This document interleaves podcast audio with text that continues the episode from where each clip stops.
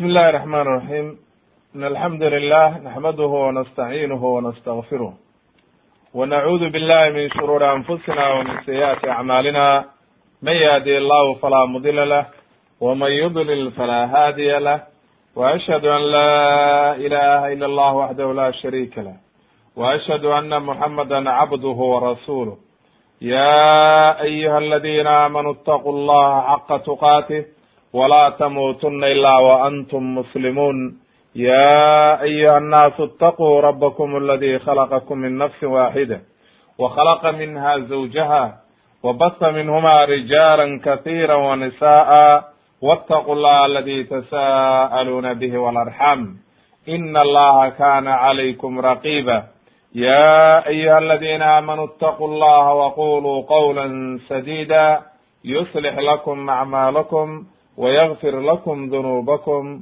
ومن يطع الله ورسوله فقد فاز فوزا عظيما أما بعد فإن أصدق الحديث كلام الله وخير الهدي هدي محمد صلى الله عليه وسلم وشر الأمور محدثاتها وكل محدثة بدعة وكل بدعة ضلالة وكل ضلالة في النار إن شاء الله تبارك وتعالى qisadii nabiy llahi sulayman calayhi salaam ayaa qodobkii ugu dambeeyey oan sharaxnay waxa uu ahaa dikru ma qiila cadadu nisaa'ihi.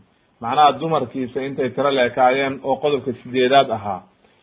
Waxaan ka bilaabaynaa marka hadda haddii rabbi idmo insha allahu tabaaraka watacaala qodobka sagaalaad. Qodobka sagaalaad waxa uu keenayaa insha allahu tabaaraka watacaala dikru wafaatihi calayhi asalaam wa kam kanat muddatu mulkihi wa xayaatihi dikru wafaatihi dhimashadiisii iyo habkii uu ku dhintay nabiyullahi sulayman calayhi salaam iyo meequu waktigii mulkigiisa iyo boqortooyadiisu imisay dhammayd oo noloshiisa imisuu noolaa isagu oo cumrigiisu uu gaaray insha allahu tabaaraka watacaala qaala allahu tacaala ilahi waxa uu yidhi falama qadaynaa calayhi almowta ma dallahum calaa mowtihi ila daabat اlardi ta'kulu min sa'tah falama kara tabayanat اljin an low kaanuu yaclamuuna algayba ma labisuu fi lcadaabi almuhiin fi suurati saba ilahay aayaddaa wuxuu inoogu sheegay falama qadaynaa calayhi almawta markii geeridii nabiyullahi sulayman u timid oo waxa weeye uu dhintay ma dallahum calaa mawtihi ila daabat lardi ay macnaha jinnigii iyo shayaadiintii iyo wixii la adeegay u adeegayay nabiyullahi m sulayman ma ay ogaanin dhimashadiisii ilaa waxa weeye daabat lardi waxaa la yidhahdaa aboorka iyo waxa la mid a daabat lardiya bay yidhahdaan markay soo cuntay ushii oo soo socotay ushii gudaha ka gashay oo ay burburtay ushii ayuu ulbuu ku taagnaa ba la yidhi isagoo waxa weye maaragtay mayda ayuu usha saa ugu taagnaa oo waxa weye usha cuskanaa. Ushii marka uu saa u cuskanaa ayaa markaa marka uu dhin ushii ay burburtay ayuu markaa dhacay marka. Dee muddo badan weeye markaa oo waxa weye muddo badan ayuu markaa saa ku jiray. Muddo sanada ayay ku tilmaamayaan culammadu qaala ibnu jariir waxa uu yihi raximah llah wibn abi xaatim min xadiidi ibrahim ibni dahman can caطa ibni saabit can abi saciid maarata can saciid ibni jubayr can cabdullahi ibni cabaas can inabiy sala allahu alayh wasalam xadiidka cabdullahi ibni cabaas uu werinayo nebigana laga wariyey. Nebigu wuxuu yihi kana sulayman nabiyullahi sulayman calayhi salaam nabiyullah. Nebigi ilaahay ahaa idaa sallaa haddii uu tukada ra'aa shajaratan. Markuu salaada tukanayo geed buu arki jiray. Markaasuu geedkaa wuxuu odhan jiray soo baxaya maxaa tahay? Magacaa markaasuu odhan jiray kada. Markaasuu wuxuu odhan jiray liayi shayin anti maxaa adiga laguu abuuro maxaa tahay? Fa in kaanat likarsin gurisat haddii ay maaragtay tahay geed la abuurayo oo markaa loogu talagalay in la abuuro markaasaa la abuuri jiray wa in kaanat lidawaa'in hadday dawo tahayna dawadii bay markaas laga guran jiray intay soo baxdo. Fa baynamaa huwa yusallii hameyn wakti waktiyada ka mida isagoo tukanaya. Daata yawmin maalin. Ayuu id ra'aa wuxuu arkay shajaratan. Geed bu arkay. Bayna yadeyi hortiisa taagan faqaala wuxuu yihi magacaa markaasay waxay tihi alkharuub. Tii wax kharibaysa markaasuu liayi shayin ant maxaad kharibaysaa qaalat waxay tihi hada albeyt alkharaabu hada albeyt ay macnaha waa geeridiisii waa mawdkii. Faqaala sulayman wax ogaaday markaa inuu dhimanayo. Oo geeridii timid. Faqaala sulayman waxa uu yidhi allaahuma allahayo cammi cala aljinni mawtii. Ilaahow geeridayda dhimashadayda ha ogeysiinin oo ka indhatir jinniga. Xataa taclama alinsu ilaa dadku ay ogaadaan oo bilow aamigu ay xaqiiqsadaan ana aljinna jinnigu laa yaclamuuna algayba inaynan geybka waxba ka ogeyn. Inay ogaadaan. Fanaxatahaa casan ul buu samaystay markaa.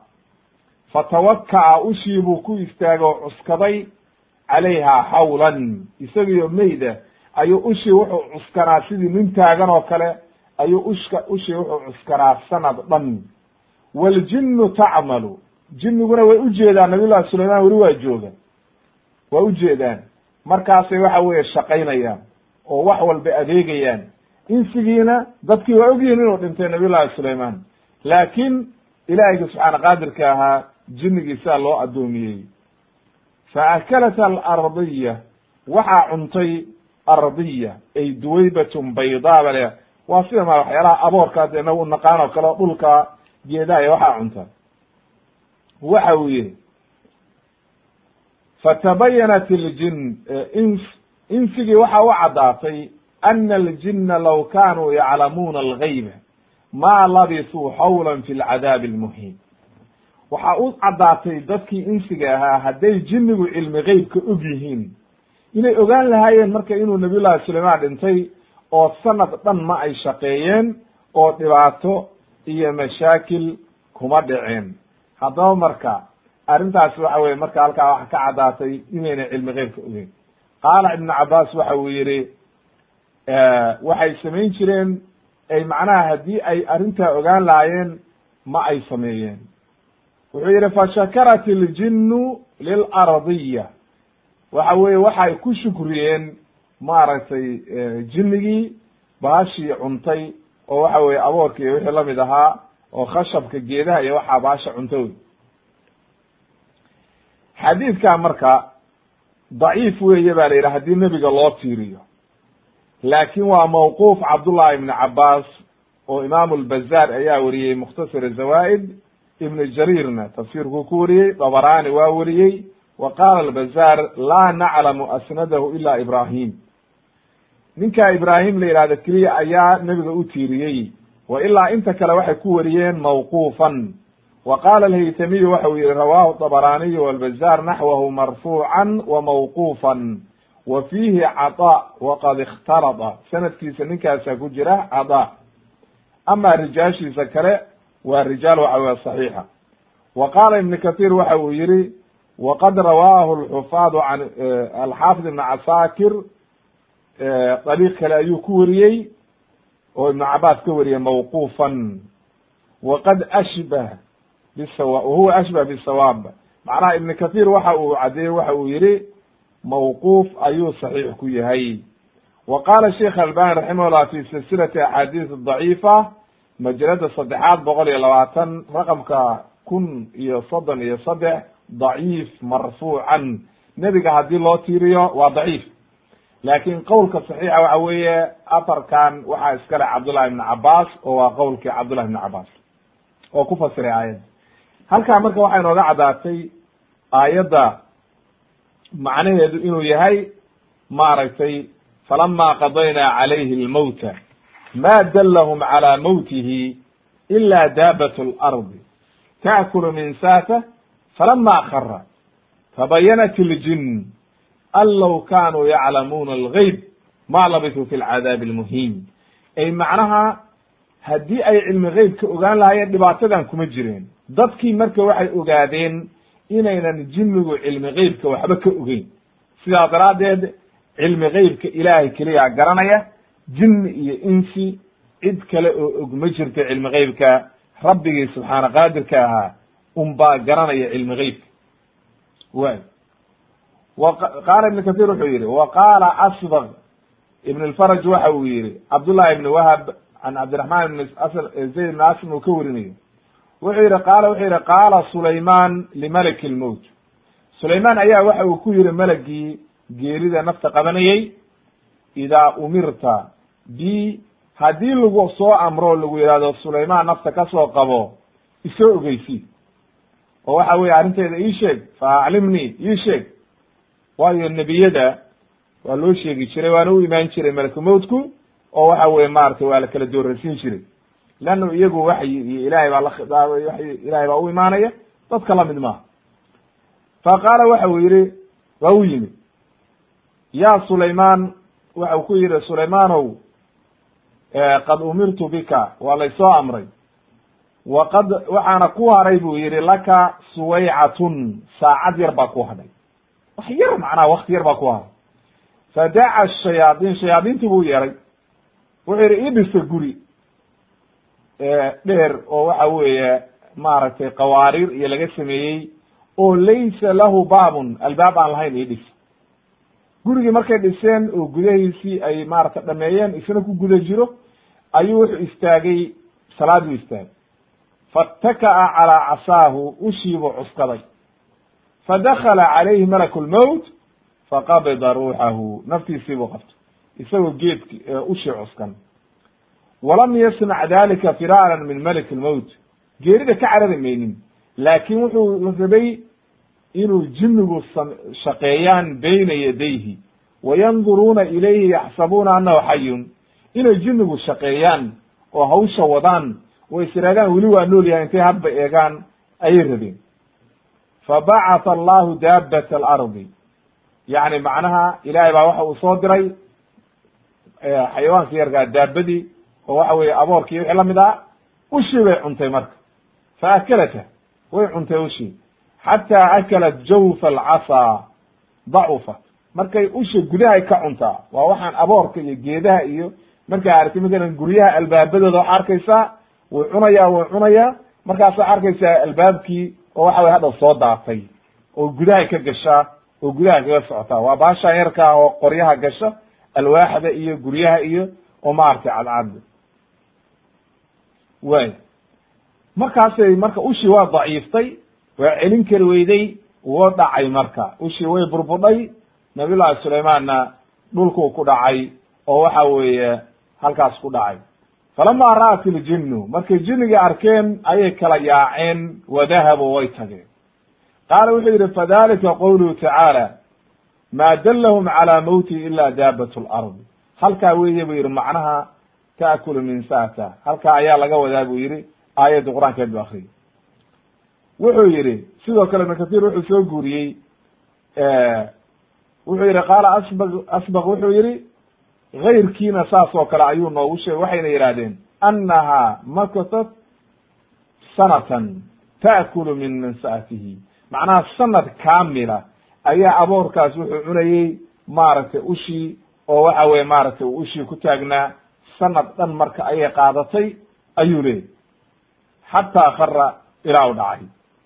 Waqad rawaa naxwa hada can jamacati min asalaf wagayrihim ayuu yihi ibn kathir raximahullah culamo badan baa laga werinayaa inay saa leeyihiin oo waxay kulligood wada leeyihiin macnaha loo jeedo waxa weeye nabiyullahi sulayman calayhi salaam ushii markuu cuskaday oo ushii uu ku taagnaa ayaa waxaa dhacday inay waxa weeye sanad dhan uu saa ugu taagnaa isagoo meyda. Isagoo meyda oo dhintay ayuu sanad dhan ku taagnaa ayay dhaheen.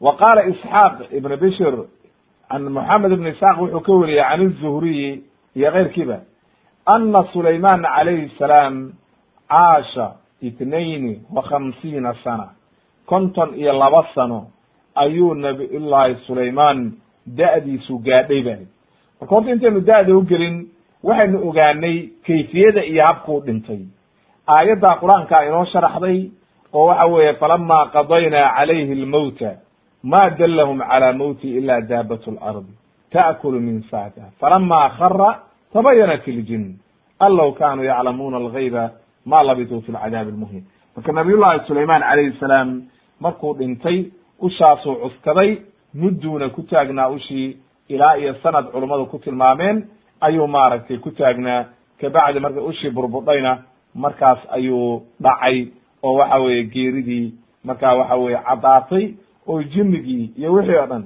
Laakiin culammadu waxay leeyihiin ma aha macnuhu inuu nabiyullahi sulayman geerida ka cararayey ee waxa weye macnaha wuxuu rabay inuu khaldo nimankan waxa weeye jinniga oo ayna kala yaacin.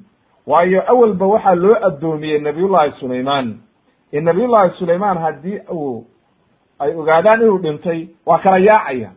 Oo meeshii waxama harayaan insigii keliya ayaa isku soo haraya waa kala tegayaan marka sidaa daraaddeed marka ayaa marka ilaahiyga subxaana qaadirkaa ayuu ka baryey inuu waxa weeye aynan ogaanin kabacdina malaha arrintaana loo waxyooday oo la yihi ushaas samee ushii buu ku taagnaa sanad kaamila ayaa arrintaa qaadatay marka inay waxa weye aboorkii cunto.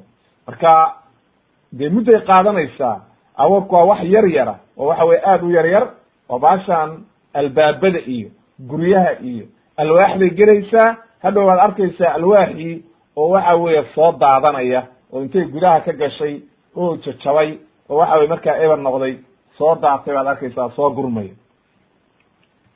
way. Haddaba sanadkaas kaamilka jinnigii way shaqaynayeen ba layihi oo waxa weeye halkaa ayay shaqaynayeen oo dadkii ku shaqaysanayeen oo waxa weye hawsha ay qabanayeen.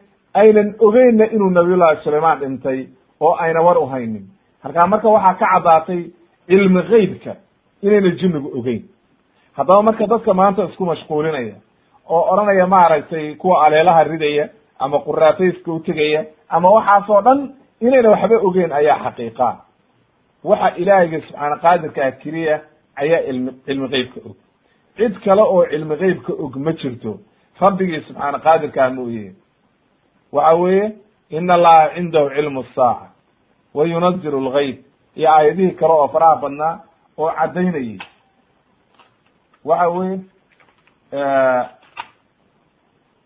waatuu ilaahay aayad badan ku lahaa laa yaclamu lgayba ila hu yasaluunaka can isaacati ayaana mursaaha qul inamaa cindaha cilma rabbi waxa weye cilmi geybka marka waxyaalaha cilmi geybka ina allaha caalimu lgaybi washahaada rabbigii subxaana qaadirka un baa garanaya cid kale oo garanaysaa ma jirto wey wuxuu yihi marka ibn kathir raximahullah wa ama waxa weye mulkigiisii iyo waxa weeye imisuu horta waxa weeye meequu noolaaday oo meequu boqortooyadiisii jirtay. Wuxuu yihi waxa la yihi waxa uu noolaa sida uu warinayo zuhri laga warinayo alimaam zuhri. Waxa uu yihi wuxuu caasha itn itnatayni wa khamsiina sana. konton iyo laba sano ayuu gaaray ba layihi wa kana mulkuhu arbaciina sana. boqortooyadiisana afartan sano marka laba iyo toban jir miyuu ku qabsaday markaa ayay markaa noqonaysaa. wa qaala isxaaq waxa uu yihi can cikrama can ibni cabaas waxaa laga wariyey inuu yihi ana mulkuhu kana cishriina sana. labaatan sano ayay boqortooyadiisu gaadhay wa qaala ibnu jariir raximahullah waxa uu yihi fi taarikh fakana jamiicu cumri sulayman ibni dawud calayhi salaam nayfan wa khamsiina sana. Calaa kuli xaal waxay u badan yihiin marka culummada qowlkooda markaa wada fiirisid inuu dhowr iyo konton ku dhintay. Marka ma laba iyo konton ba ma ka badan tahay nayf waxaa la yidhaha dhowr wixii saddex ka badan. Adiga calaa kuli xaal dhowr iyo konton sano ayay da'diisu gaadhay ayaa la yidhi waxaa la yidhi marka ibnu jariir waxa uu yihi wa fii sanati arbacin. Markuu boqortooyada hayay afar sano oo mulkigiisu iyo boqornimadiisu ay taama gashay ayuu wuxuu bilaabay inuu dhiso bayt lmaqdis ayuu bilaabay ba lihi uma malaka bacdahu ibnahu. Kabacdi yaa marka qabsaday oo waxa weeye boqortooyadii iyo nidaamkii la sii wareegay haddii uu dhintay marka nabiyullahi sulayman boqor nebinimadii cid ka dhaxashay lama sheegin laakiin boqortooyadii waxaa ka dhaxlay ba la yidhi nin la odhan jiray maaragtay ra ra raxubacaam raxubacaam ayaa la yidhahdaa oo waxa weeye waa wiilkiisii ba la yidhi.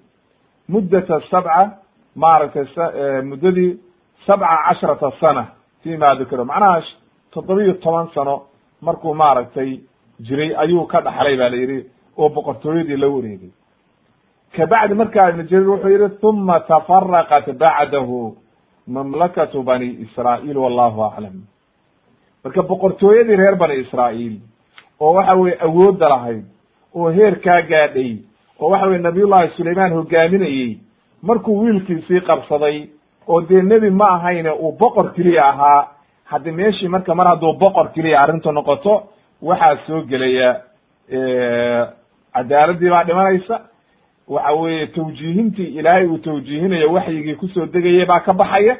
Meesha markaa waxaa imaanaysa dulmi kabacdi markaa way burbudhay boqortooyadii oo way kala yaacday.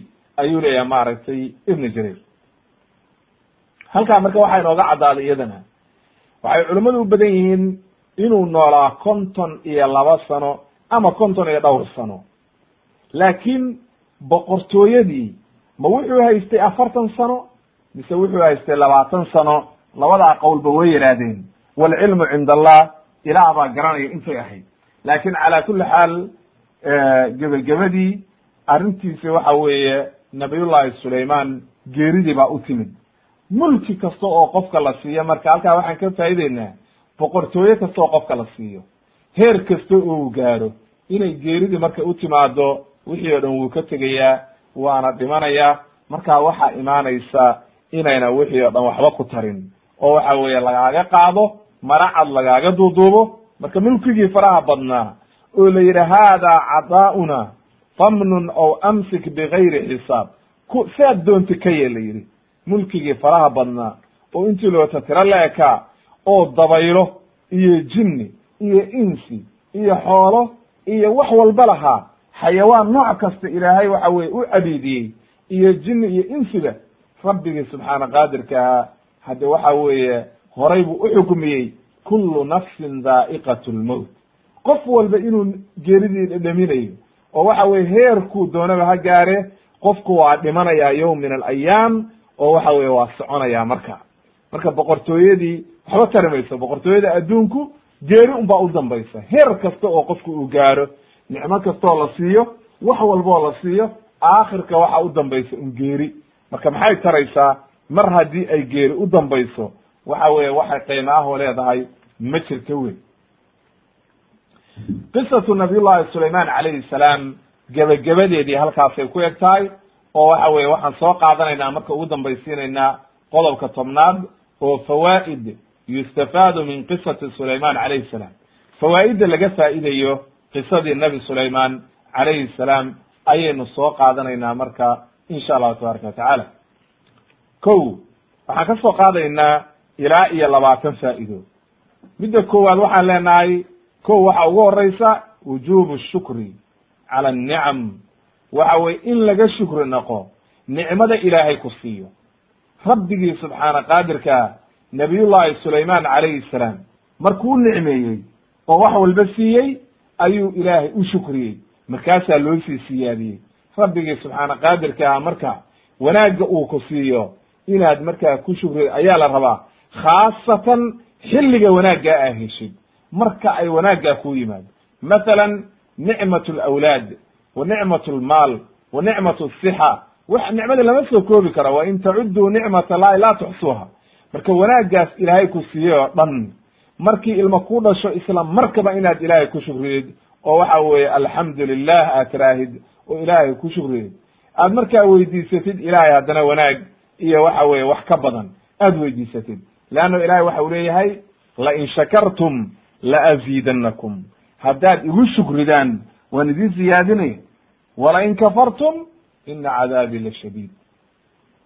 W midda labaad waxaan ka faa'ideynaa waria waarithahu sulayman lidawud lam takun fi lmaal waxa weye nabiy llahi sulayman meesha uu ilaahay ka yihi wawaritha sulaymanu daawud waxa weye nabiy llahi sulayman waxa uu dhaxlay waa nebinimadii iyo boqortooyadii ee ma aha inuu dhaxlay xoola ka dhaxlay. Waayo waxaynu sheegnay laba arrimood oo u sabab ah. Waxaynu nidhi wiilal badan buu lahaa nabiyullahi daawuud. Ayay culummadu yidhahdeen ilaa iyo dhowr iyo toban wiil ayuu lahaa hadde hal qof xoolihii ma dhaxli karo waa in la wada dhaxlo. Midda kale waxaynu caddaynay nebiyada inaanba xoolo laga dhaxlin oo wixii ay ka tagaan ay sadaqa yihiin sidii nebiga calayhi salaatu wassalaam xadiidkiisa uu ku caddeeyey oo waxa weeye abubakarna markii faatimo iyo ay weydiiyeen dhaxalkii uu yidhi nebigaan ka maqlay oo odhanaya maaragtay nalama dhaxno wixii aan ka tagna waa sadaqo. Haddaba marka wuxuu ka dhaxlay maaragtay nebinimo iyo waxa weeye maaragtay diintii iyo wuxuu ka dhaxlay maaragtay boqortooyadii. Qofkii marka nebiyada waxaa dhaxla qofkii diintoodii qaata oo nebigu wuxuu caddeeyey xadiis saxiixa alculamaau waratatu alambiyaa buu yihi nebigu wuxuu yihi culammadu waa raggii dhexlayay nebiyada. Oo waxa weeye lagama dhaxlin buu yihi nebiyada lagama dhaxlo xoolo. Ee waxaa laga dhaxlaa cilmi iyo diin baa laga dhaxlaa qof walba intuu ka qaatabu marka dhaxalkiisi noqonayaa marka waxa weeye nebiyada waxaa laga dhaxlaa xoolo waxaa laga dhaxlaa cilmi iyo caqiido iyo diin. Qofkii marka barta ayaa dhaxalkii nebiyada wax ka helay. Midda saddexaad waxaan ka qaadanaynaa aayadda mucjisada oo allihii subxaana qaadirka uu siiyey nabiyullahi sulaymaan mantiqa tayr ilaahigi subxaana qaadirka waxa uu baray xayawaanka dhan si ula hadli lahaa oo waxa weeye uu fahmayo luqadoodii. Wuxuuna u fududeeyey jinniga iyo shayaadiintii iyo kulli. Arrintaasi marka waa mucjiso wey oo waxa weye rabbigii subxaana qaadirka ayaa siiyey nabiyullahi sulaymaan calayhi salaam. Waayo waa arrin mucjisaa oo aad iyo aad u khatara. Qof waxa weye shimbirihii la hadlaya xayawaankii fahmaya kulli waxay leeyihiin wuxuu doono u dirsanaya. Waad ujeedaan hududkiibuu la hadlaya oo leeyahay maaragtay waan eegeynaa maaragtay sananur asadakta am kunta min alkaadibiin waxa weye hududkiibuu la hadlaya waa shimbir. Xayawaankii o dhan buu la hadlaya. Quraanjadii buu dareemaya oo waxa weye macnaheedii fahmaya kulli marka waa biqudrati illahi wey. Waa mucjisadii ilaahay uu siiyey. Rasuul kastana ilaahay mucjisuu siiyaa lagu rumeeyo. Oo waxa weeye markii ilaahay uu rasuul ka dhigo uu nebi ka dhigo mucjisooyin baa la siiyaa. Marka way kala duduwan yihiin oo waxa weye mucjisooyinku aad bay u kala duduwan yihiin. Marka nebi kasta ilaahay mucjisooyin gaara ayuu siiyaa. Marka nebi nebi sulaymaan mucjisooyinkii la siiyay waxaa ka mid ahaa inuu shimbiraha la hadli jiray oo jinniga loo fududeeyey oo uu adeegsanayey shayaadiinta iyo jinniga. Wax walba uu la hadlayo adeegsanayey hawsha u dirsanayey. Faa'idada afraad oo aan ka qaadanayna waxay tahay qowlu nabiy sala allahu calayh wasalam lan yuflixa qowmun wallow amrahum imra'a haddii ay dadku madax ka dhigtaan qof dumara ma liibaanayaan. Oo waxa weeye khasaare ayaa ugu dambaysa. Waayo wakaa maaragtay nebiga calayhi salaatu wassalaam markii kisra uu dhintay oo gabadhiisii ay ka dhigteen maaragtay boqorad nebigu wuxuu yihi lan yuflixa qowmun wallow amrahum imra'a marka sidaa daraaddeed lama ogola oo waxa weye diinteennu ma ogola inay dumarku wax hogaamiyaan ninka ragga ayaa loogu talagalay hogaaminta dumarkana waxba u dhimi mayso taasi ceebna kuma aha. Ee waxaa loogu talagalay inay waxa weeye ilmaha iyo waxa weeye soo barbaariyaan raggii biri wax hogaamin laha oo waxa weeye ay guriga iyagu hogaamiyaan baa loogu talagalay. Midda shanaad aynu ka faa'idayna waxa weeye bayaanu ana axaqa axaqu bilcibaada waxa ugu mudan oo waxa weeye allihii subxaana qaadirka ayaa cid walba ka xaqle in la caabudo. Leanno sababtu waxa weeye allihii subxaana qaadirka isagaa ku abuuray waayo markuu hududkii u tegey nimankii saba oo qoraxda caabudayey oo waxa weeye allihii subxaana qaadirkaa ka leexday oo waxa weye markaa wuu ku ceebeeyey wuuna sheegay inay gaalo yihiin oo diintii ka leexdeen oo dariiq khalada ku taagan yihiin. Halkaa marka waxaa inooga caddaatay allihii subxaana qaadirka in la caabudo oo cibaadada ilaahay la badiyo oo la iska ilaaliyo shirkiga iyo waxyaalaha khaladka iyo bidcada oo dhan in la iska ilaaliyo ayaa halkaasna inooga caddaatay. Faa'idada lixaad waxaan ka qaadanaynaa qowluhu idhab bikitaabi haada daliil wuxuu u yahay calى wujubi irsaali اlkutub ila almushrikiin wa dacwatuhum ila alislaam wa tabliiquhum in la gaarsiiyo dacwada oo loo qoro. Oo waxaa laga rabaa masalan nebiga calayhi salaatu wasalaamna saasoo kale uu sameeyey. Waatuu kisre u qoray oo qaysar u qoray oo waxa weye uu kutub u qoray rasaa'il oo isku caddeeyey magiciisii iyo waxa weye nebinimadiisii oo uu lahaa maaragtay soo islaama waad nabadgelaysaani marka waxaa loo baahan yahay in dadka mushrikiinta diinta la gaarsiiyo oo waxa weye qof walba uu isku dayo ciddii uu gaarsiin kara diinta inuu gaarsiiyo. Madaxduna ay arrintaa ka qayb qaataan oo u qoraan rasaa'il iyo kutub luuqadooda ku qoran oo loo caddeeyo marka islaamku waxa uu yahay. Inuunan islaamku ahayn mid maaragtay wax dilo keliya ee inuu yahay maaragtay islaamku raxma lilcibaad raxmad iyo naxariis loo soo diray addoommada oo waxa weye wanaag oo dhan laga gaaray toddoba waxaan ka faa'ideynaa qowlulmar'a gabadhii balqiisa oo waxa weeye malakatu saba waxay tihi yaa ayuha almala'u aftunii fi amri ma kuntu qaadicatan amran xata tashhaduun. Qowlkaa waxaa laga faa'iidaya calaa mashruuciyati shura macnaha dadka hadday xukumka qofka haya inuu la tashado dadka kale aad bay u fiican tahay. Oo majlisu shura uu leeyahay nebigu saxaabaduu la tashan jiray washaawirhum fi lamri ayaa ilaahay yidhi. Cumar ibna khadaab iyo abubakar iyo raggaasuu la tashan jiray saxaabadii oo dhan. Maalintii beder markuu dagaalka gelayey ashiiruu calaya ayuha nnaas buu yidhi. Ila taliya maxaa yeela ila tashada see xaalka xaggee ka marnaa haddaba marka waxaa loo baahan yahay inay dadka madaxda ahi ay leeyihiin majlisu shura oo ay la tashadaan dadka ahlulxalli waalcaqdi ma aha waxa maanta baarlamanka iyo la yidhaahdo oo cid walba qabiilka iyo quranka ku gelayaan oo la geenaya intii dadka dadka ugu xumayd ee maaha waxa weeye ahlulxalli waalcaqdi dadka diinta garanaya cilmiga leh tajribada leh odayaasha waxgaradkaa oo waxa weye wax garanaya ayaa lala tashanaya oo majlisu shura sidii cumar ibn khadaab uu lahaa majlisu shura oo kale uu la tashan jiray cabdiraxmaan ibni cawf iyo cuثmaan ibni cafan iyo cali ibn abi aalib iyo raggaasaa lala tashanaya. Laakin maanta in la yidhaahdo qabiil la isku soo xulo waxay qiimaha leedahay ma jirto. Way. Midda sideedaad waxaan ka faa'ideynaa bayaanu xusni siyaasati lmalakata saba. Gabadhaa balqiisa waxa weeye gabadh aad dekiya ayay ahayd oo caqli leh. Aad iyo aad u caqli leh. Waayo waxa ay doontay markay raggii waaweynaa ay yidhahdeen annagu dagaal baan diyaar u nahay adigu xarjo samee oo waxa weeye arrintiiba u daayeen ayay waxay xaawishay marka inay dadkeedana badbaadiso boqortooyadeedana badbaadiso.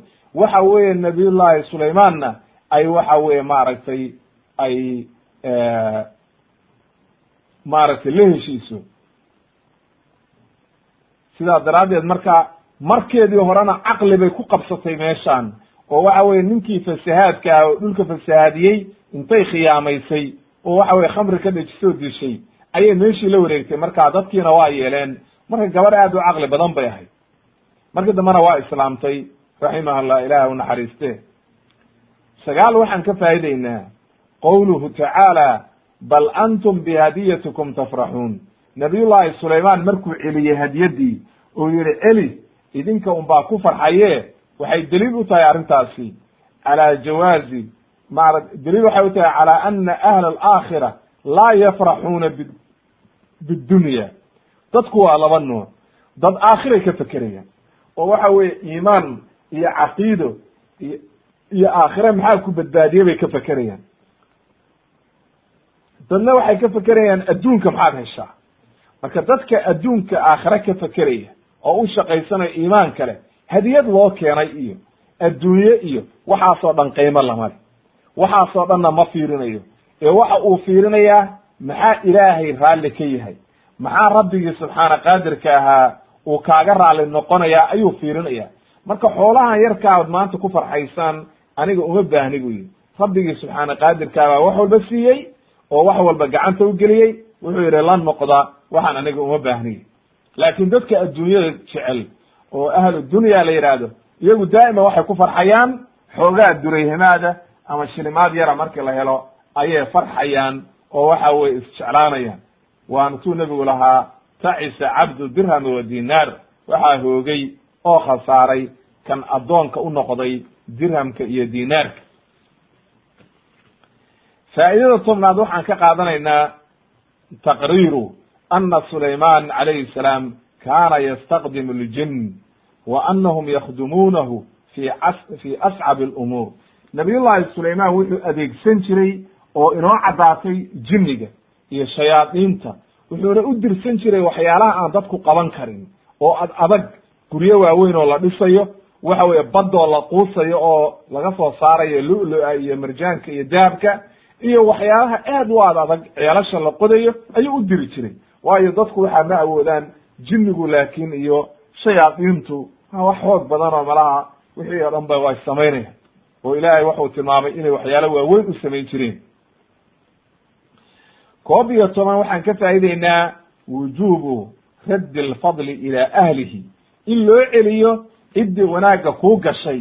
In looga shukri noqo oo loo celiyo oo loo tiiriyo qaala sulayman waxa uu yidhi qaala haada min fadli rabbii wanaaggii markuu arkay iyo wanaaggii loo galay oo waxa weye carshigii la soo hordhigay oo waxa weye carshigii inta laga soo qaaday ilbiriqsi hortiisa la soo dhigay wuxuu ogaaday marka arrintan allihii subxaana qaadirka inuu u fududeeyey oo waxa weye arrintan wanaaggan ilahay xaggi ay ka timid. Markaasuu wuxuu yidhi hada min fadli rabbi. Waa wanaagga ilaahay isiiyey wey liyabluwani waa imtixaan waa lagu imtixaamaya. A ashkuru inaan ku shukriyo oo ilaahay u shukri noqo am akfur mise aan gaaloobo ayaa lay kala eegaya. Wuxuu yidhi marka dadkii buu la hadlo oo u caddeeyey wuxuu yidhi waman shakara. Qofkii shukriya fa inamaa yashkuru linafsi ee naftiisay anfacaysa shukriga adiga aad shukri naqaysid. Allihii subxaana qaadirkaa wanaaguu kuu galay. Aad u shukri naqaysid adduun iyo aakhiraba aduu ku anfacaya. Lain shakartum laaziidanakum adduun iyo aakhiraba aduu ku anfacaya. Ilahay waxba tari mayo shukri aad shukriyid salaad aad tukatid kulli ilahay waxba tari mayaan inama hiya acmaalukum uxsihaa lakum. Waa tuulaha maarata xadiidka cadiid qudsigahaa acmaashiini oo la idiin soo koobayo qofkii aakhira markuu yimaado wanaag helana. Hatee wanaaggii ilaahay ha ku maadiyo oo ilahay baa waafajiyey kii waxa weeye dhibaato la kulmana hadda isagaa shaqaystaye naftiisa waa inuu eedeeyaa oo cid kale yuu eedayne naftiisa ha eedeey w allihii subxaana qaadirkaana hani buu ka yahay fa inama waman kafara fa ina rabbii ganiyun kariim ayuu yihi way laba iyo toban waxaan ka faa'ideynaa qowluhu nakiruu lahaa carshaha. Macnaha qowlkaa uu yihi gabadhii carshigeedii bedela fiihi jawaazu ikhtibaari afraad. Waxaa halkan ku cad macnaha oo laga qaadanaya imtixaanku inuu banaan yahay in la is-imtixaami karo. Masalan qofkii waxaa la rabaa in camal loo dhiibo shahaadadiisa iyo meesha wuxuu soo bartay caqligiisa iyo shahaado keliya la fiirimi laha qofku waa inuu qof caqli leeyahay oo wax maamuli kara wax nadaamin kara waxaan uu soo bartay garanaya in imtixaan marka laga qaado. Sidaa daraaddeed waxaad arkaysaa qofku markuu shaqo doonto isagoo shahaadooyinka iyo wax walba wata ayaa haddana imtixaan laga qaadaya oo la eegaya. Bal waxaa la eegaya suu ninkaan shaqada uga soo bixi karo iyo wuxuu qaban karo waa in la eego wey. Marka sidaa daraaddeed way bannaan tahay in xilligaa la imtixaamo qofka. Saddex iyo toban waxaan ka qaadanaynaa madaaru taqliid wama yataratabu calayhi min min atanakuri lilcaqli waddiin macnaha qofka waxyaalaha taqliidka la yidhaahdo taqliidka waxaa la yidhahdaa inaadan cilmi qofka ku raacin daliilna ku raacin laakiin aad iska raacdid aabbahay baan ka arkay waaridkay baa samayn jiray ciddeedaan ka soo gaaray inaa wajadnaa aabaa'ana waxaasoo dhan ayaa taqliid la yidhaahdaa lama ogola marka kulli waa baatil wey waayo sababtu waxa weeye haddaad taqliidkaa ku socotid waxa weeye diintana waa u daran yahay oo diintii dhibaato badan baa taqliidka ka imaanaysa. Oo waxa weye naftaadana wuu ku halaagaya dhibaato badan ayaa markaa ku imaanaysa. Marka waxaa fiican qofku inuu ku socdo calaa basiira. Qul hadihi sabiilii adcuu ila allahi calaa basiiratin ana waman itabicani waxa weeye allihii subxaana qaadirkaa nebiga wuxuu amray inuu yidhaahdo aniga jidkaygii waka waxaan ku soconayaa calaa basiira calaa cilmin. Macnaha jahli ku socon mayo. Cidna ma taqliidinayo aabbayaal ma taqliidinayo cid hore ma taqliidinayo iyo awowayaal anigu waxaan ku soconayaa calaa cilmin wa basiira. Macnaha cilmi baan ku soconaya marka sidaa daraaddeed waxaa loo baahan yahay in lagu socdo cilmi ee aan la taqliidin. Waayo sababtu waxa weeye nimankii dhammaa oo waxa weeye malikatu saba markay gabadhii la hadashay waxay taqliidkoodii bay isaga dhegeen oo waxay idhaahdeen naxnu uluu quwatin uluu ba'sin shadiidin.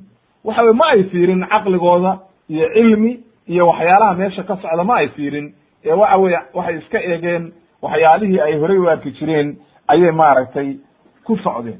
Marka taqliidka lama ogola inuu qofku ama waxa weye qoraxdii ay caabudayeen inay qoraxda iska caabudayeen isaga sujuudayaan laakiin wax cilmiga uma hayaane waa taqliid laabaa oo waxa weye aabbayaashii hore un baa laga soo gaaray.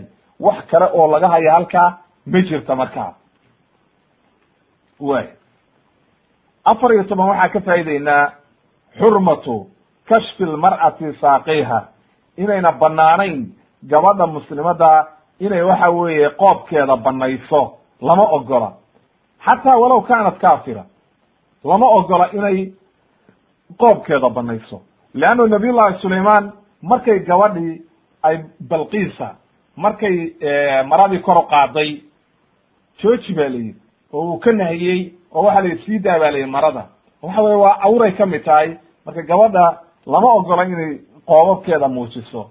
Marka halkaa waxaad ka garanaysaa waxyaalihii jaahiliga ah soomaalida oo gabadhu diraca intay kor qaado ay tafta qaban jidhay oo waxa weeye dhudhumada muujin jirtay oo kubku muuqanayo inay tahay jaahiliya oo waxa weeye aynan ogolayn diintu ay halkaa ka garanaysaa. Bal waxaa la rabaa siduu ilaahay u yidhi yudniina calayhina min jalaabiibihina inay jalaabiibtooda isku raariciyaan oo jirkooda qariyaan ayaa la rabaa. Lama ogola marka inay gabadhu qoobabkeeda iyo lugaheeda iyo jirkeeda meel ka mida inay muuqato lama rabo. Ilaa waxa weeye ninkeeda iyo waxa weye markay gurigeeda joogto maxaarimteeda iyo mooye lama ogolow. Shan iyo toban waxaan ka faa'ideynaa fadiilatu maaragtay itisaai saalixiin. Waxa weeye dadka wanaagsan in lagu daydo oo uswatun xasana in waxa weeye gabadhii balqiisa waxay tidhi wa aslamtu maca sulaymana lilahi rabi alcaalamiin waxaan hogaansamay bay tiri maca sulaymaan anoo sulaymaan la jira ayaan ilaahayga subxaana qaadirkaa waan islaamay waanan hogaansamay waxaan maaragtay raacay nabiy llahi sulaymaan. Marka sidaa daraaddeed waxaa la rabaa qofka saalixa ah oo wanaagsan in lagu daydo nebigana calayhi salaatu wassalaam in lagu daydo. Waatuu nb maaragtay ilaahayna lahaa laqad kaana lakum fii rasuuli illahi uswatun xasana. Inaad nebiga ku dayataan waxa idinku sugan uswatun xasana. Wanaag iyo kudayasho wanaagsan. Maaragtay iyo nabiyullahi ibrahim iyo in lagu daydo. Nebigana markii laga sheekeeyey fi suurati ancaam waxa weye nebiyadii oo dhan oo nabiyullahi ibrahim iyo min duriyati daawud ilaa aakhir ayaa aakhirkii waxaa la yihi ulaa'ika aladina hada allah fabihudaahu muqtadi. Kuwaa ku daya ba la yidhi. Wakaa kuwii ilaahay hanuuniyey marka dadka wanaagsan in lagu daydo wanaag baa lagu gaaraa dariiqoodiina la raaco oo waxa weye maaragtay meeshii ay mareen iyo camalkoodii iyo dariiqoodii la dabagalo wanaaggaasay leedahay. Waadna waad hanuunaysaa markaa haddaad dariiqoodii raacdid lix iyo toban waxaan ka faa'ideynaa alwaladu asaalix hibatun min allah. In waxa weye ilaahay uu ku siiyo welad saalixa weliba waa hiba min allah. Leannahu allihii subxaana qaadirkaa markuu nabiyullahi sulaymaan ka hadlayey wawahabnaa lidaawuda sulaymaan ayuu yihi nicma alcabdu inahu awaab marka nabiyullahi sulaymaan waxa uu ahaa hibo ilaahay u hibeeyey nabiyullahi daawuud. Lakin waxa wiilal badan wuu lahaa laakiin ninkaana wuxua dee welad saalixa oo wanaagsan oo waxa weeye aad iyo aad u wanaagsan ayuu ahaa oo toobadkeen badan. Marka in laga baryo ilaahay welad saalixa oo waxa weeye ilmo saalixa laga baryo rabbigii subxaana qaadirka ahaa waa arrin aad iyo aad u wanaagsan rabbi hablii min ladunka duriyatan طayiba inaka samiicu ducaa waatay nebiyadu ku ducaysanayeen nabiyullahi zakariya. Siday noo imaan doonto leanna waayo hadduu weladkii saalix yahay wanaag buu ilaa iyo intuu nool yahay oo dhan wanaagga uu samaynayo ajar baad ku leedahay. Oo nebiga calayhi salaatu wasalaam wuxuu yidhi alkasbu alwaladu min kasbi abiihi. Ilmahaaga intay shaqaynayaan intay camal saalixa keenayaan ducadooda wanaagooda. Ilahay inta ajar buu kugu qorayaa leanna adaa sabab u ahaa oo waxa weeye kasabkaagii wey marka sidaa daraaddeed waxaa la rabaa in ilmaha saalixa ilaahay laga baryo laguna dadaalo inuu weladka laga dhiga welad saalixa oo diintiisa iyo caqiidadiisa oo waxa weye lagu tarbiyeeyo dariiqa xaqa lagu toosiyo ayaa la rabaa. Si uu u noqdo ilmihii ilmo saalixa. Waayo haddaadan ilmihii diin barin asbaab baa jirta marka fara badan oo waxa weeye la adeegsado waxa weye waxaa ka mid a in diintii la baro waxaa ka mid a shaydaanka in laga nabadgeliyo waxaa ka mid a magac fiican in loo bixiyo. Asbaab aad u fara badan wey marka markaas ilmihii inuu welad saalixa noqdo ayaa markaa la rajaynaya. Ilaahayna laga baryaa oo waxa weeye aad iyo aad ilahay looga barya. Way toddobiyi toban waxaan ka faa'ideynaa mashruuciyatu tawba. Min kuli dembin sagiiran kana ow kabiiran in mar walba ilaahay loo toobad keeno oo waxa weeye dembiga aad geshid ama ha yaraado ama ha weynaado in mar walba ilaahay loo toobad keeno oo ilaahay loo soo noqdo ayaa loo baahan yahay.